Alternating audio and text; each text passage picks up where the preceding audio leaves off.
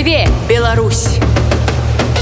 Ольга сямашка гэтым вечарам разам з вами на беларускай хвале рады унет. Наш сённяшні эфир з вільні бо я зараз знаходжуся ў літоўскай сталіцы.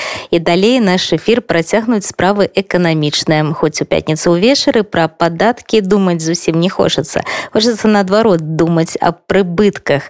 Але для дзяржавы дзяржава нам просто не дае выбару не беларусам не мне Капитал!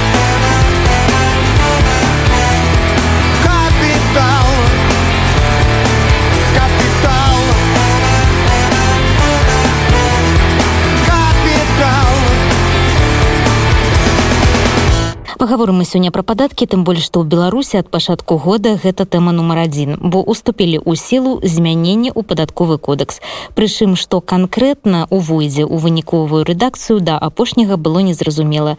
Дакумент быў апублікаваны крыху са спазненнем толькі 4 студзеня гэтага года а не напрыканцы года мінулага як звычайна. Такая сітуацыя не спрыяла спакою ў шэрагах індывідуальных прадпрымальнікаў бо якраз гэты сегмент чакалі самыя кардынальныя змены ў падаткаабкладанні. У выніку колькасць відаў дзейнасці, якія падпадаюць пад спрошчаную сістэму падаткаабкладання значна скарочана, стаўкі адзінага падатку для прадпрымальнікаў павышаны, затой прапануецца пашырыць пералік самазанятых і ўвесці для іх падатак на прафесійную дзейнасць. Тлумачыць эксперт даследчага цэнтра бюро Кіў Анастасія Лузгіна. Изменение налогообложения, что касается малого и среднего бизнеса, то есть это прежде всего касается а, ИП, а, индивидуальных предпринимателей. А, то есть 2022 э, год, он является таким переходным годом, когда прежде всего были исключены из упрощенной системы налогообложения услуги, за исключением некоторых видов. Остались там компьютерное программирование, туризм, услуги в области здравоохранения, ну а многие были убраны, да, именно что касается услуг. А, плюс к этому, если мы говорим про единый налог, там ставки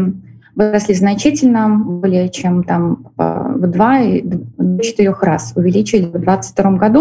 В 2023 году предполагается, что единый налог будет, в принципе, вообще убран. Предлагается, что ИП либо будут э, платить подоходный налог, в этом году он равен 16%, в 2023 году он возрастает до 18%, либо же переходить в разряд самозанятых. Но, естественно, если мы переходим в разряд самозанятых, то в этом случае нет возможности нанимать людей, да, то есть вы работаете чисто на себя. Вот. Либо же, переход... если все-таки это тоже вариант не подходит, тогда э, надо подумать об открытии э, микроорганизации. Э, в этом случае э, есть возможность применять упрощенную систему налогообложения, которая в 2022 и в 2023 годах, соответственно, будет составлять 6% э, процентов, э, да, с выручки. А вот, то есть такие вот э, изменения, конечно, они породили ряд, э, именно что касается ИП, их развития, ряд э, вопросов, э, в том числе у ИПшников, то есть значительно больно, можно сказать, ударит по именно небольшому частному бизнесу, которая имеет, например, один или два э, сотрудника в штате, оно не имеет возможности, например, масштабироваться э, до микроорганизации. Ну и прежде всего это касается каких-то маленьких городков, где масштабирование, в принципе, невозможно, да, потому что не будет спроса. С одной стороны, с другой стороны, вот это как бы ну, такие изменения, вот как многие те же пышники говорят, что они, ну, это будет способствовать росту да, стоимости услуг. Но опять-таки есть потолки, особенно в малых городах, где у людей не такие высокие доходы, вот, рассматриваются вопросы вплоть до закрытия собственного бизнеса. То есть вот эти вот такие вот нововведения, хотя вот говорят, что вот как предлагают а, вот непосредственно а, разработчики да, вот этих изменений, что вариант с самозанятыми — это очень хорошее предложение да, в плане того, что там упрощается система да, налогообложения, там через платформу нужно будет заходить, и самозанятые, я забыла сказать, будут платить с 2023 года налог 10%, э, э, и это в том числе это включает и страховые взносы да, в ФСЗН. То есть это вот такой единый налог, э, сбор, можно сказать, который включает в том числе и отчисления ФСЗН. Ну, и этот сбор будет называться налог на профессиональную деятельность. Ну, надо сказать, что мы в этом э, плане не первопроходцы, да, то есть в России тоже такой налог уже существует. Аналогичный принцип, да, но там немножко другие подходы. Акрамя таго зменіцца і падаткаабкладанне маркетплейсаў. Яны будуць абавязаны уплошваць падатак на дабаўленую вартасць у Беларусі. Компании должны, опять-таки, вначале они зарегистрироваться должны, да, у нас, и, соответственно, выплачивать э, НДС. Это касается, ну, в том числе, нету каких-то там исключений для э, компаний, которые, допустим, находятся на территории Евразийского экономического союза, то есть и российские компании, это касается, вот, исследуя да, из этого положения, э, и, э, ну, и компании из других стран. А что касается э, вот как это повлияет на стоимость э, товаров, на цену товара, ну, потому что это может зависеть от политики конкретной компании, насколько они будут перекладывать э, вот этот рост НДС да, на как бы плечи конечного потребителя. Ну, вполне возможно, что да, цены вырастут. Ну, может, не настолько, сколько НДС, не саму, но частично, да, это, конечно, может коснуться. Одна из істотных змен для фізічных асоб гэта падатак на першую кватэру. Як азначылі ў міністэрстве фінансаў новаўвядзенне заклікана ўраўняць умовы падаткаабкладання грамадзян, у якіх ёсць жыллё, а таксама павысіць рэсурсную базу мясцовых бюджэтаў. Сярэдняя стаўка падатку для стандартнай двухпакаёвай кватэры ў мінску будзе не больш за 50 рублёў у год у рэгіёнах каля 25 рублёў прычым у 22 годзе грамадзянам трэба будзе заплаціць у выглядзе авансавых плацяжоў толькі палову гэтай сумы уводзяцца для фізічных асоб і камеральныя праверкі накіраваныя на тое каб каб вылечить тых, кто жыве не по сродках. То есть делали это и раньше выборочно, ну как и сейчас то же самое, да, будут делать выборочно.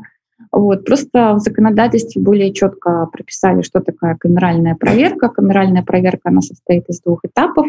Первый этап — это когда сама налоговая, да, то есть без извещения, э, ну, сравнивает, грубо говоря, смотрит на доходы того или иного физического лица. Если возникают какие-то вопросы по разнице между доходами и расходами. Например, человек нигде не работает, да, но построил там за 5 лет э, коттедж. Да, то есть в этом случае расходы э, как бы превысили доходы значительно по мнению налоговой, и, соответственно, эм, возникает вопрос, откуда эти деньги. Тогда э, уже непосредственно обращаются к данному физическому лицу и просят подтвердить источник этих доходов. Если человек не может подтвердить источник этих доходов, то там, там на разницу начисляется соответственно налог. У цэлым на думку эксперта даследчага цэнтра бюро кіў анастасі лузгіной змены ў падатковы кодекс утрымліваюць як станоўшае рашэнне шмат якіх момантаў адміністравання было папросту упарадкавана і спрошчана так і адмоўная асабліва у сектары які тышацца прадпрымальніцкай дзейнасці. На мой э, взгляд то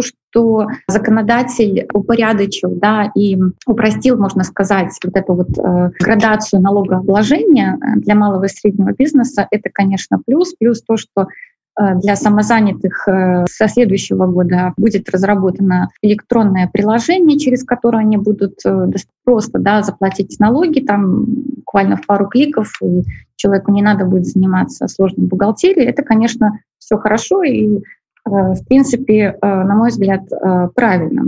С другой стороны, вот что касается, опять-таки, а, ИП, нам, ну, на мой взгляд, не совсем понятно, вот почему именно для ИП ужесточили условия, да, то есть вполне можно было бы сделать по примеру той же России, то есть когда ИП сам выбирает, не надо им их было ограничивать именно вот в возможности выбора только одной системы как бы налогообложения, то есть это подоходный налог в следующем году будет, будет введен и все, да, то есть на мой взгляд, необходимо было оставить выбор людям, каким а, видом налогообложения а, пользоваться. То есть это либо же как самозанятый, либо как э, подоходный налог, либо же, допустим, как э, упрощенная система а, налогообложения, как микроорганизация. Потому что вот э, в текущем варианте, да, который мы видим, конечно, это создает большие трудности для мелких предпринимателей, вот. Но и надо понимать, чтобы вырасти от самозанятого да, а, до а, микроорганизации, вот, наверное, вот этот, э, э, эту нишу занимали ИП. А так получается, что для, для ИП, которые, в принципе, еще совсем, ну, можно сказать, маленькие, небольшие, там до трех э, работников, э, например, занято в бизнесе, которые не имеют э, каких-то навыков ведения бухгалтерии, для них мы почему-то вот ужесточаем условия и а, вводим а, вот такие вот повышенные ставки налогообложения ограничиваем в выборе. Да? То есть вот это, конечно, на мой взгляд, было сделано неверно. Капитал!